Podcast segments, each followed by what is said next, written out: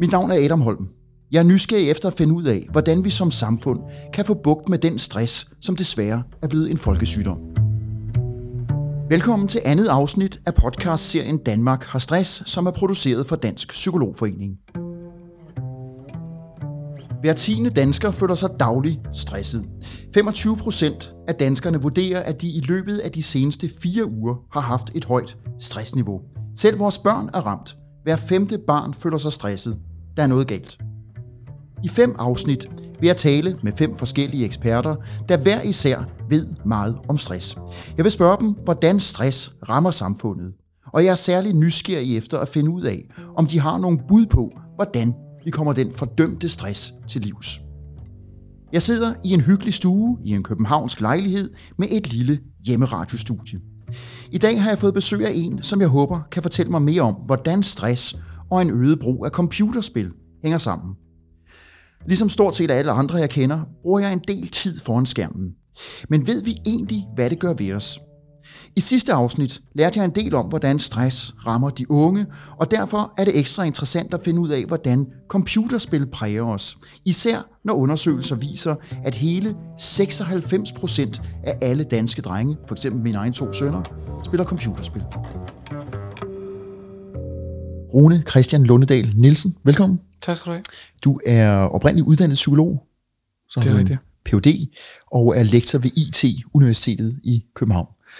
Og Rune, inden vi øh, kaster os ind i substansen, så sæt lige et par ord på, hvordan er du egentlig kommet til at forske i spilafhængighed. Det er jo noget, du har gjort særdeles kvalificeret, kan man roligt sige. I fjor modtog du den meget prestigefulde Titkenpris på en halv million kroner for din forskning i netop sammenhæng mellem øh, spil og spilafhængighed. Så hvordan er du selv kommet som psykolog til, til den forskning? Jamen, øh, det starter øh, måske med noget, som nogen vil se på et symptom på computerspilsafhængighed. At jeg sidder og spiller Counter-Strike med min bedste ven øh, en sen søndag, og kan ligesom huske, der er et eller andet, jeg har glemt at gøre. Og øh, har det dårligt som vidtighed, og så kommer jeg i tanke om, at jeg skal ind og vælge min valgfag, fordi jeg læser på kandidaten på psykologistudiet.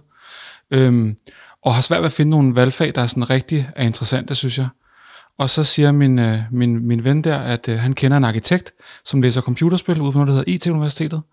Øh, og det kan man simpelthen få en kandidatgrad i. Og så er det faktisk der, at jeg tænker, okay, det, det lyder vildt. Og så ringer jeg faktisk til dem dagen efter, For du er selv en glad computerspiller på det fordi jeg tidspunkt. netop selv spiller en del computerspil på det tidspunkt, må man sige. og du tænker, man kan simpelthen studere computerspil. Ja, og der tror jeg måske også, at jeg var sådan lidt, øh, ikke træt af psykologifaget, men jeg tror, at kandidaten var en lille smule skuffende, fordi at det, jeg ikke ligesom fik det der ekstra boost af sådan, nu skal vi op på den høje klinge. Det, altså nu er det kandidat, nu er det ikke bare bacheloren. Og øh, det var jo ikke sådan, at man havde gemt en masse fede teorier, som, som man så kom frem med der på kandidaten. Øh, så det var faktisk det, der gjorde, at jeg ringede derud og spurgte, øh, får man så også et job? Øh, og det her, det var før finanskrisen, så der fik alle job. Øh, og så skiftede jeg simpelthen, så, stod, så satte jeg mit psykologistudie på pause og tog ud og tog en kandidat på IT-universitetet. Så du har to kandidater. Ja, jeg gik så tilbage og gjorde psykologien færdig, for at få det stempel med i, i bogen. Og samtidig spiller du stadig Co- Counter-Strike og hvad det ellers hedder. Ja, lige præcis. World of Warcraft World og of- Dota og det hele.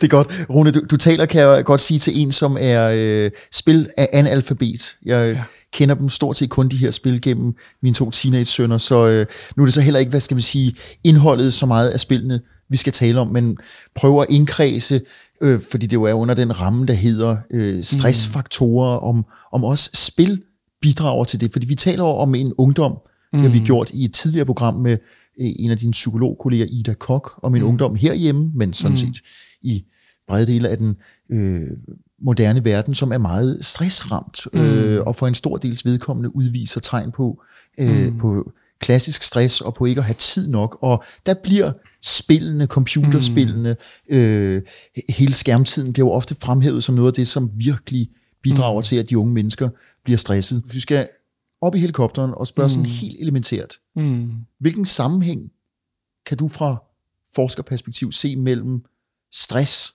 Mm. og gaming?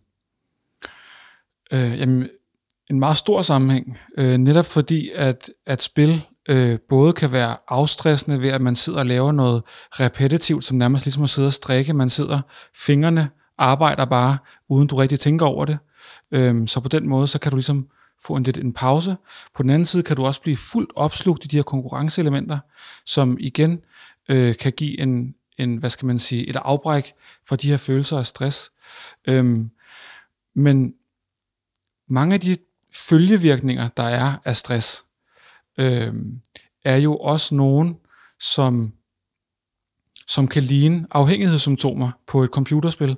Netop det her med sådan dysforiske tanker, altså det vil sige med at være nærmest depressiv og ikke at kunne se noget mening i det, ikke at kunne koncentrere sig længere. Altså hvis jeg ikke kan koncentrere mig, er det så fordi, at min telefon og min e-mailsystem stresser mig, øh, øh, eller du ved, er det, er det det her stress, der kommer fra spillet, eller, eller spiller jeg, fordi jeg er stresset? Så det kommer sådan, at der, der er virkelig mange af de her velkendte symptomer på stress, som både er kropslige fornemmelser, som kan komme til at ligne en afhængighed. Øhm, og jeg havde engang en, en, et par samtaler med en ung dreng, hvis forældre kom øh, til mig, fordi at de mente, at deres søn var, var afhængig af computerspil. Og han havde netop det her med sådan noget, ekst, han blev ekstremt svimmel, og øh, han øh, havde ondt i maven, og han havde ondt i hovedet, han kunne ikke sove om natten, og de var bange for, at det, at det her var ligesom symptomer på hans computerspilsafhængighed. Og altså stresstegn. Øh, ja, øh, de tænkte ikke på det som stresstegn, de tænkte på det som, det må være fordi han spiller. Øh, men så tog de hans computer fra ham, og så havde han ikke spillet nogle måneder, og så kommer han ind og snakker hos mig, netop fordi forældrene opdager, at jamen, han er stadigvæk svimmel, han har stadigvæk alle de her mange stresstegn, øh, og han spiller ikke. Øhm, og der finder vi faktisk ud af, at det, at det bunder i noget social angst, som bunder i noget øh, konflikt over i skolen med lærerne, som ikke synes, han præsterer, som han bør. Og da jeg rent faktisk får spurgt ham, efter at han jo ikke har været i skole i tre måneder, mener jeg det er, lang tid har han ikke været i skole. Det er jo et, stigende problem også i Danmark, det her med skoleværing. Ikke? Så spørger jeg ham bare, jamen, hvordan kunne du se dig selv komme tilbage i skolen, og vil du gerne tilbage i skolen? Og så siger han, jeg vil gerne tilbage i skolen, og hvis jeg kunne ligesom vide, at, at min lærer ikke spurgte mig, uden jeg havde rækket hånden op, så kunne jeg også godt være i det. Og så starter vi ham langsomt op allerede ugen efter, han har besøgt mig. Og der bliver jeg jo øh, rigtig bekymret over, at han har de her helt almindelige stresssymptomer, som bliver fortolket som afhængighedssymptomer mm. øh, til computerspillet, ikke? Øh, som gør, at han, han så ikke kommer i skole. Og det, der var kernen i den øh, unge mands, øh, store drengs reaktioner, det handlede egentlig om, om det, vi måske lidt enkelt kunne kalde præstationssamfundet. Ja, og... Eller altså, præstationskultur. Altså, en social angst, som måske bunder i stress, eller en social angst, som også giver noget stress, ja. øh, og som så øh, som hans forældre, fordi de ikke får snakket, øh, hvad skal man sige, måske nok åbent og fordomsfrit med ham, øh, læser ind i en helt anden kontekst, ikke? Fordi de ikke ligesom kan se udefra, hvor stressende skolen er for ham. Men WHO, nu jeg springer lige en lille mm. smule i det, men det er når du taler om, øh, om diagnosekultur. WHO skrev i 2018, at mm. gaming, hvis nok også gambling, men i hvert fald mm gaming øh, er betragtet som øh, altså en, en diagnose på linje med anden afhængighed. Mm. Øhm, og det ved jeg jo, at du og andre mm. herhjemme, fremtrædende forskere, som beskæftiger mm. jer med, med det spørgsmål, siger, at det, det, det holder simpelthen ikke. Det er en forkert mm. mm. læsning af WHO. Mm. Gaming er ikke, øh, hvad skal vi sige, en diagnose. Du har selv lige sagt, at det er snarere et symptom ja. på en måske syg øh, præstationskultur. Men kan du sætte nogle flere ord på, hvor det er, du mener, Verdenssundhedsorganisationen er gået galt i byen? Ja, øhm, jeg mener, de går galt i byen. Øhm, for det første er det jo helt nyt, at man, skal have, at, at man kan tale om adfærdsafhængigheder. Altså, øhm, det har man aldrig før kunnet. Altså, vi har jo ludomani her hjemme i Danmark, men det er ikke en afhængighed, det er en impulskontrolforstyrrelse. Øhm, og der har jo været masser af forskning i sportsafhængighed, arbejdsafhængighed, Præcis. alle de her ting. Sexafhængighed. Sexafhængighed. Og vi har, vi har faktisk den samme videnskabelige evidens for, at alle de her ting findes. Men det vi stiller spørgsmålstegn, det er, at man, ud, ved, at det er, at man udvælger øh, gambling, ludomani og computerspil som de to eneste diagnosekategorier. Øhm, fordi at man i i hvert fald meget den litteratur, man læner sig op af, der taler man om computerspillene som noget, der genererer den her afhængighed. Altså bare det, man bliver udsat for det. Nemlig. Du kommer gående hen ad gaden, glad og fløjtende, og så er det, du møder et computerspil, og så er det, at, at det sætter sin kroge i sig. Ikke? Og der, tyder det altså på meget den her forskning, at computerspillet er mere neutralt end det. Selvfølgelig inviterer det til, at man spiller, og selvfølgelig er det en forretningsmodel, ligesom McDonald's gerne vil have, at man har et specielt forbrugsmønster af mad, så vil øh, de her spilproducenter øh, også gerne have, at vi har et bestemt forbrug af, af spil og leg. Øhm, men det er simpelthen det her med, at, at evidensen ikke er der, og, og de forskere, der er blevet inviteret til at, at diskutere, om det her skal være en lidelse eller ej, øhm, synes jeg, ser ud til at være blevet valgt på en lidt besynderlig måde. Altså det panel, man har sammensat, øhm, er et panel, som nok ikke kunne komme med en anden konklusion end det. Hvad vil det sige? Altså nu, Jamen, øh, jeg at, hører ikke, at du er konspirationsteoretiker, men du nej. antyder der et eller andet øh, uldent. Ja, men jeg, der er i hvert fald en masse forskere, som er fremtrædende, som ikke er blevet inviteret øh, i det her, øh, med det her. Og vi har, og vi har jo spurgt WHO, men hvorfor er det det, I har gjort det til en diagnose? Og de har jo svaret i en privat e-mail, at de er under stort pres fra, fra Asien. Øhm, og der er det, at man skal huske, at WHO selvfølgelig er den fremmeste øh, autoritet på sygdomme i verden, men jo altså også navigerer i et politisk landskab, hvor det er vigtigt at have USA og Kina med. Det har vi jo set og, nu her i coronatid, præcis, du sige. Og Trump har jo lagt stort pres på, på WHO, og vi ved også fra andre sager, at Kina ikke er bange for at lægge, lægge pres. Så, men når vi ser bort fra det, så er der øh, virkelig mange af dem, der har været med til at lave en diagnose, som ikke har udgivet forskning omkring computerspil. Øhm, og, og så er det, at, at, at jeg synes, at det, det ser mærkeligt ud. Altså, jeg tænker, der, der, der er flere ting i det. Jeg tænker som udgangspunkt, og det er måske for at understøtte dig, om ikke afhængighed, hvis man skulle se på det sådan klassisk diagnostisk, handler om, om en substans, først og fremmest. Jo. Altså, og, og ikke en adfærd. Ja. Øhm, og og det, det har du sådan set redegjort for. Den anden del af, jeg tænker om, øh, om den her spilafhængighed. Igen, hvis vi prøver at fokusere det lidt mm. på stress, Mm. Øh, hvis man har en ungdomskultur, mm. sådan som du selv har strejfet, og jeg har også refereret til en af vores tidligere gæster, Ida Kok, øh, som fint har redegjort for det, mm. øh, hvor, hvor der er en stor procentdel af de unge, som går rundt med, med altså forskellige symptomer på stress, så er spil, hvad skal vi sige, øh, computerspil, gaming, skærmtid, det er vel med til, siger jeg så lidt ledende, mm. at accelerere den stress, fordi man øh, man måske fjerner sig mere fra omverdenen. Altså jeg har mm. godt hørt, du taler mm, om, at det også kan give fællesskaber. Ja, ja, ja. Men, men, men er der ikke noget, der siger, at hvis man jo. først er kommet derud øh, af slisken, hvor man falder ned i, mm. i stressen, så er blandt andet sådan noget som spil mm. et problem, eller hyre? Jo, øh, det, det vi har rigtig svært ved at finde ud af, det er, det er jo helt klart, at rigtig mange mennesker bruger spil som en coping-strategi, altså en mestringsstrategi til at håndtere deres, deres livsproblemer. Ja, nemlig. Og det, vi har rigtig svært ved at finde ud af, det er, hvor stor en anden del af dem øh, oplever det som noget meget positivt. Det er der jo rigtig mange, der gør. Men så er der også nogen, som, som føler, at det faktisk er noget negativt. Og det er noget, som, som vi i forskningsmiljøet også godt kunne blive, kunne blive klogere på.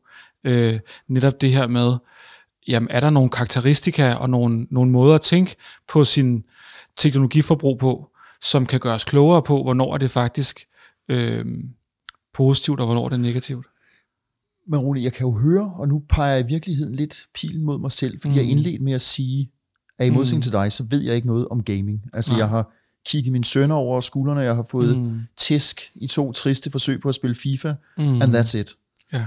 Og jeg er 51, og jeg kan høre mm. på mange af mine jævnaldrende, det vil sige dem, som voksede op i start 80'erne, hvor vi ikke havde den slags, at vi ved faktisk ikke rigtig noget om Nej. gaming. Vi ser det måske som noget, ja, et, et spil, som man bør opgive, når man er mm. allersenest 16 år, ja. og så er det vist stop med det, ikke? Kan du ikke jo. blive mere voksen og jo. komme videre? Jo. Og så læser jeg mig til, blandt mm. andet, øh, når du har lavet dig interview, mm. at, øh, at der er jo en meget større, hvad skal man sige, narrativ knyttet til spillene. Altså mm. det er øh, rene romaner og udviklingshistorier, og ja, ja, man kan bruge lang tid på, også inden for spillenes verden, at lære at sondre mellem, mm. hvad der er godt og skidt, lære moral, mm. lære etik. Mm. Øhm, så det jeg vil spørge til, mm. inden for hele den her lidt, hvad skal ja. man sige, øh, brede ramme, vi taler, det er, om, om, om der også er noget i forståelsen af, af, af gaming, som hviler på altså noget så elementært som, at generationer ikke forstår hinanden? Altså det tror jeg helt klart. Øh, jeg tror også, altså der er jo en lang historie af det, som nogle forskere kalder moralsk panik øh, omkring nye fænomener. Og altså, det er jo, så er man jo, man er jo faktisk i ret fint selskab, fordi at Platon jo var ude og sige for mange tusind år siden, at, at tekst, altså det, det trygte ord er forfærdeligt, fordi det, det fjerner mennesker fra hinanden. Og det tror jeg, at han i høj grad har, en, altså, har ret i. Altså den polarisering, vi ser på Facebook og andre medier, øh, synes jeg, Platon fint har foregrebet ved at sige, at når du først begynder at skrive dine argumenter ned, så afkobler du dem for dig selv, og andre, der læser dem, de sidder ikke og, ligesom, og snakker med dig. Øh, og der har været panik omkring rollespil og heavy metal og hiphop-musik, da jeg var ung. Ikke? Hiphopper går med kniv og hører de her forfærdelige budskaber. Øhm, så jeg, jeg, jeg, jeg tror, man er, man er egentlig i ret fint selskab, hvis man, hvis man har det syn på det. Men, øhm, jeg, jeg, jeg ved godt, hvor du vil hen. Men, ja. men jeg, jeg tænker også, at, at man kommer nok også til at se tilbage på os, der sidder her og snakker bredt om computerspil, som nogle mærkelige dinosaurer, fordi det svarer lidt til, hvis vi havde siddet og snakket om tekst eller trykte bogstaver. Og der er jo stor forskel på, om det er øh, Nazi-Tysklands øh, propaganda, eller om det er Bibelen, eller om det er lærebøger på universitetet, eller forskningsartikler, eller skønlitteratur, eller hvad det er, man sidder og læser. Og der tror jeg, synes jeg, du har helt ret i, at, at computerspil er jo nogle gange smukke historier, øh, som beskriver, øh, hvad skal man sige, eviggyldige menneskelige oplevelser. Og nogle af de, jeg synes, de fineste nye, et spil, der hedder The Last of Us 2, øh, har det her meget, det man kalder et linært spil, hvor man ligesom skal spille igennem historien, og man som spiller øh, skal spille begge sider i en konflikt, og bliver tvunget til at gøre nogle forfærdelige ting, som man ikke har lyst til, men du kan ikke ligesom komme videre i spillet, øh, uden at du ligesom gør det ved at trykke på de her knapper, ikke? som kan måske minde lidt om øh, litteratur som American Psycho eller et eller andet, hvor du ligesom skal læse dig igennem de her meget ubehagelige øh, sekvenser for at komme videre i teksten. Ikke? Og det er jo så noget helt andet i forhold til det her med e-sport og spil som, altså et kreativt spil som Minecraft, hvor at øh, folkeskoleelever sidder og bygger store projekter sammen og lærer, hvordan man samarbejder og sådan noget. Ikke? Det er der jo ikke noget af over i de her narrative spil. Og så er der de her meget kon- øh, konkurrenceorienterede spil, ja. som, som jeg tror kan... En af mine jeg glemmer aldrig, en, øh, en af mine professorer, der, der jeg læste, hun sagde engang, at hun synes, at noget af det, det værste ved computerspil, var, at der var så få spillere, øh, kvindelige spillere, fordi hun synes, at hun kunne se øh, alle de her mænd og drenge øh, opleve kæmpe store fiaskoer i en arena, hvor det ikke rigtig gør noget, som ligesom kunne øh, give en robusthed. Ikke? Ligesom hvis man på en basketballbane, som jeg engang har stået, skulle være bagud med et, øh, et point i en kamp. Jeg har to straffe, tiden er gået, der sker ikke andet, end jeg skyder de her to straffekast, øh, og hvis jeg scorer et, så kommer vi for længere spilletid. Scorer jeg to, øh, så, har, så har vi vundet, og så brænder jeg begge to, og det er min skyld, at vi går hjem som kæmpe tabere. Og det var jo en forfærdelig følelse, men i et, i et relativt øh, trygt univers alligevel. Ikke? Og der har computerspil jo taget det her med at fejle til en kunst. Altså i computerspil, der skal man... Jamen computerspil, der skal man fejle. Altså der skal man dø en, en hele tiden. Øh, det gør man bare for at lære. Det er en del af læringsprocessen, at man fejler øhm, hvilket vi jo ikke kender fra uddannelsessystemet og, og alle mulige andre steder. Der er meget forvirring om, hvad er egentlig op og ned, når vi taler stress. Så måske kan nogle tal underbygge og give et indtryk af, hvad det egentlig er for et omfang, vi her taler om. En gennemgang af journalerne hos en gruppe praktiserende læger i Region Syddanmark med i alt 51.422 patienter viste, at 2,1 procent af patienterne i en 6 måneders periode var registreret med stresssymptomer eller en diagnose, der indikerer stress. Det svarer til ca. 75.000 patienter på landsplan, og det er ifølge en undersøgelse, en dansk undersøgelse, publiceret i et internationalt magasin i 2018. Så, så rundt det du siger, mm. hvis jeg skal prøve at forstå det, det er, mm. at øh, selvfølgelig kan afhængighed af enten substanser, eller mm. spil, eller sex, eller arbejde, mm. eller for meget træning, mm. øh, kan være usundt, hvis man ligesom mm. øh, har skyklapper på, og ikke kan begribe andet. Præcis. Og på den måde, der er også gaming øh, mm. usundt. Men mm hvis man skal vende den om, så er der faktisk nogle, øh, nogle meget positive effekter mm. måske også til afstressning ja. og til menneskelig læring ved rent mm. faktisk at game. Ja. Altså så som at lære at fejle, lære måske at, Ja. at skamme sig. Men udefra ser det jo selvfølgelig forfærdeligt ud for en forældre, at nu kommer 13-årige øh, Maria ned fra, fra pigeværelset og banner og svogler og kaster med tingene og opfører sig ligesom voksne øh, mænd og kvinder opfører sig på en, på en sports, i en sportsarena, ikke sparker til alting og er sure over, hvordan det er gået i spillet. Ikke? Og det kan jo godt udefra ligne en afhængighed, eller ligne, at spillet gør noget, noget rigtig skidt. Og det kan også godt være, at det i nogle tilfælde gør det, men det kan også godt være, at spillet i virkeligheden er i gang med at opbygge en robusthed, som gør, at det måske er lettere senere i livet at fejle på nogle af de her andre arenaer, hvor det kulturelt set øh, er meget uleset at fejle. Ikke?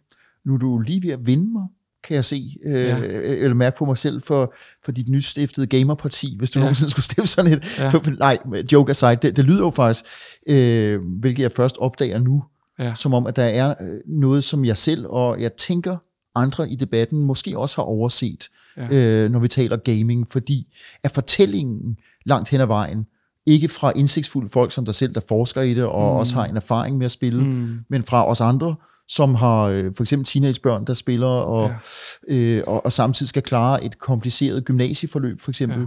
Der bliver ligesom tanken, jamen drop nu, det er gaming der, Mm. siger man, og mm. hæver stemmen og bliver vred, og siger, Ja. gå, gå i stedet ud og spille noget bold, basketball, fodbold, rør dig lidt, og så øh, lad være med at stresse. Og, og jeg må sige, øh, og det er så for egen regning, at Mm. hvis jeg skal pege ud, hvad mine egne sønner og de af deres venner, jeg ligesom følger, Mm. øh, burde skære fra, så vil jeg sige, at det er skærmtiden, fordi mm. jeg synes, det binder dem til stolen, Mm. mm. og de kommer nemlig frustreret ind mm. i fællesrummet, øh, Mm. når de har tabt, eller er blevet myrdet, eller Mm. øh, har brændt et straffe. Og, ja. Og der, der tænker jeg, at det, det stresser dem. Mm. Og det, det gør det også. Men, men spørgsmålet er så, hvornår kan vi kende forskel på den her gode stress og den her negative stress? Ikke? Hvornår er det her, er det godt at komme op i det røde felt, og hvornår er det godt at, at komme ned og, og, og, og lave noget, der måske er lidt mere afslappende? Øhm, men jeg vil også sige, at nu hvor du øh, reklamerer for mit fremtidige gamerparti, at jeg glæder mig også til, at samfundsdiskursen ændrer sig, og vi ikke tager, og vi ikke er så bekymrede for spil. For så kan jeg lettere sætte mig over i den rolle, hvor jeg kan sidde og være rigtig kritisk og kritisere, for der er selvfølgelig mange ting at kritisere. Det var det, jeg ville spørge dig til. I, i, og nu har jeg lige i morges været i, i DR-nyhederne og, og kritisere, hvordan man bruger sådan nogle gambling-lignende mekanismer i computerspil til at tjene penge.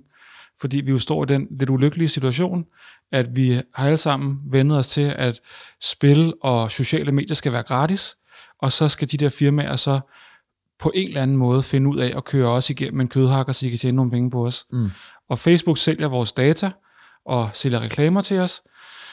Mange computerspil øh, sælger så øh, digitale varer i sådan et lotterisystem, hvor du aldrig nogensinde kan gennemskue, hvad, hvad præmien i sidste ende koster. Øhm, og der har jeg siddet og regnet på nogle tal fra en, en norsk forsker og fundet ud af, at et, en, øh, den bedste spiller i spillet FIFA kan komme op og koste over 20.000 kroner. Uh. Og det ved man jo ikke, når man går i gang med at købe de her små syv. Det er jo sådan et samlekortspil, hvor man køber pakker med kort, Præcis. og den billigste pakke koster 7,5. Og når du så har brugt, lad os sige 500 kroner, og du jo stadigvæk har et dårligt hold, så kan du blive fanget i den her mentale fælde, som man på engelsk kalder the sunk cost fallacy, mm-hmm. som er sådan, jamen hvis jeg stopper med at putte penge i nu, så har jeg jo mistet alle mine penge. Hvis jeg putter 100 kroner ekstra i, og jeg så får den spiller, jeg gerne vil have, så har jeg jo så retfærdiggjort alt den spildte tid. Og det kan altså bonge helt op til 20.000, siger du? Ja, Hold da fest. og de professionelle, som skal have et godt hold for at konkurrere, de skal gerne bruge 20-30.000 på at få det her gode hold øh, i starten af året. Ikke? Og på den måde kan man jo også godt med computerspil argumentere for, at, at når man har investeret 1000 timer i World of Warcraft, og man har den fedeste karakter med det fedeste gear, så er det også svært at, at forlade det. Altså, selvfølgelig er det det. Ligesom med, med alle andre ting. Ikke? Hvis du har skaffet alle æresmærkerne ned til spider, og du er øh, den store kanon øh, på sommerlejren, Ja. så er det jo svært at, at forlade det. Øhm, og der er Spider jo ikke lige så kommercielt som World of Warcraft. Øhm, så i World of Warcraft vil, man, vil, vil dem, der laver spillet, jo gerne have, at man bliver ved med at spille, så, så de bliver jo også ved med at, at tilbyde alt, hvad de kan. Ikke? Hvem er det egentlig, der bliver afhængig af spil? Jamen, det er jo det, som er, er, det, er det rigtig store spørgsmål, men øh, forskningen indtil nu, synes jeg, gemmer sig lidt bag ved at sige, jamen, det er, øh, det er biopsykosocialt. Så det er folk, som er født med en hjerne, som, som er disponeret til det. Altså på linje med, hvis man øh, er, bliver alkoholiker eller ja. stofmisbruger? Øh, så skal man så ud over at have denne her sårbarhed i hjernen, så også have et, noget, der sker i ens sociale miljø, og så også nogle psykologiske faktorer. Så de siger egentlig bare, jamen, men det er alting.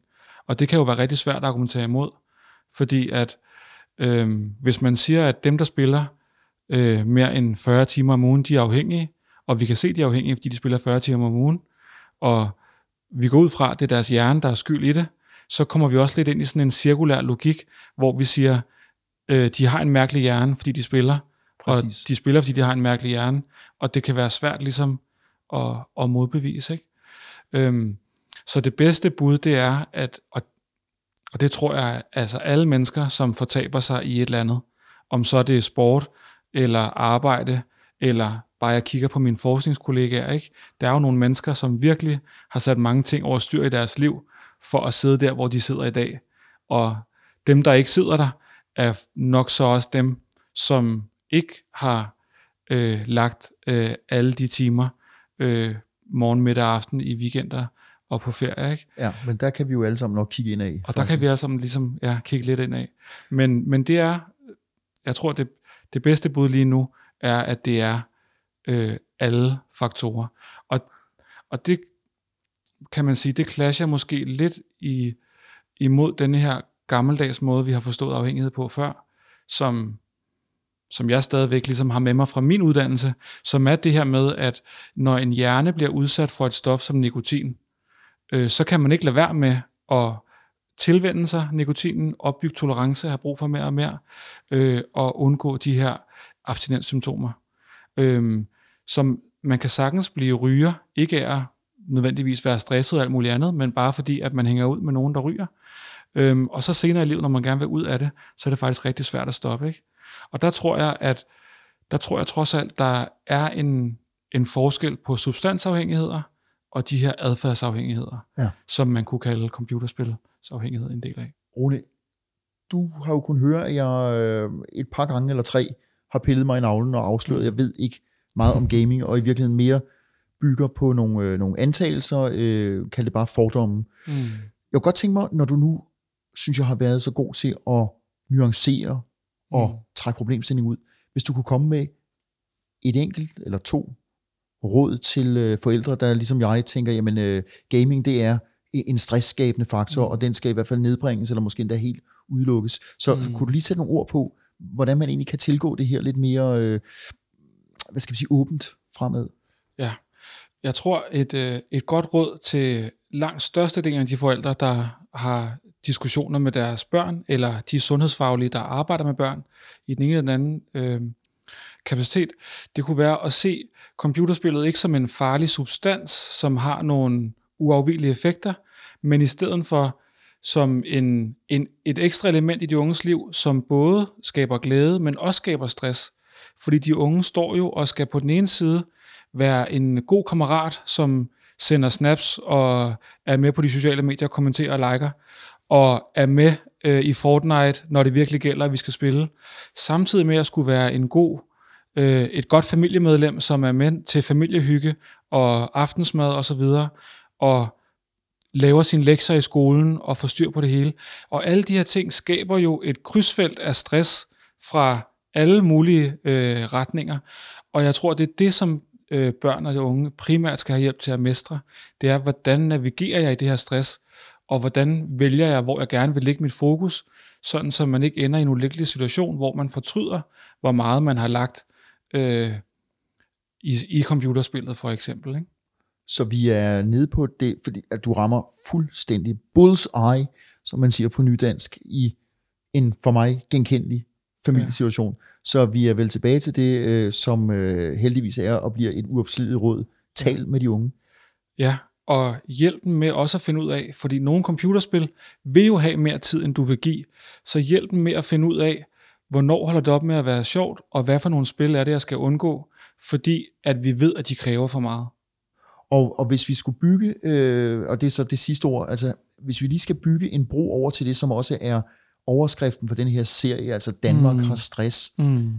kan du så sige, at der er ikke nogen direkte sammenhæng mellem egentlig at, at, at game, spille computer, tilbringe tid ved skærmen, og så være stresset. Man, man, man, man flygter måske derhen, fordi mm. man stresser for eksempel som ung mm. menneske mm. ved at skulle præstere hele tiden i skolesystemet ja. eller på arbejdspladsen. Ja, så der er det, vi kalder en korrelation. Altså der er en sammenhæng mellem dem, der spiller meget, bruger meget tid på en skærm og stress. Øhm, men det, vi ikke har vist i forskningen, og som måske kan blive vist i fremtiden, øhm, er en kausal sammenhæng, altså en årsagssammenhæng med, at, at skærmbrug, skærmforbruget øh, forårsager den her stress. Og jeg tror, at når vi sidder her og kigger på vores unge mennesker i dag, som spiller rigtig meget computerspil, og tænker tilbage på os selv, så glemmer vi jo også lidt, hvordan samfundet i virkeligheden har ændret sig. Øh, altså jeg var selv en folkeskoleelev, som øh, sagtens kunne aflevere en matematik, en matematikrapport, øh, øh, eller en, et sådan et kladehæfte, man havde dengang, hvor man skulle lave nogle gangestykker. Og der kan jeg huske, at jeg engang fik det tilbage, og så var alt forkert. Så var der ikke et eneste stykke, der var rigtigt.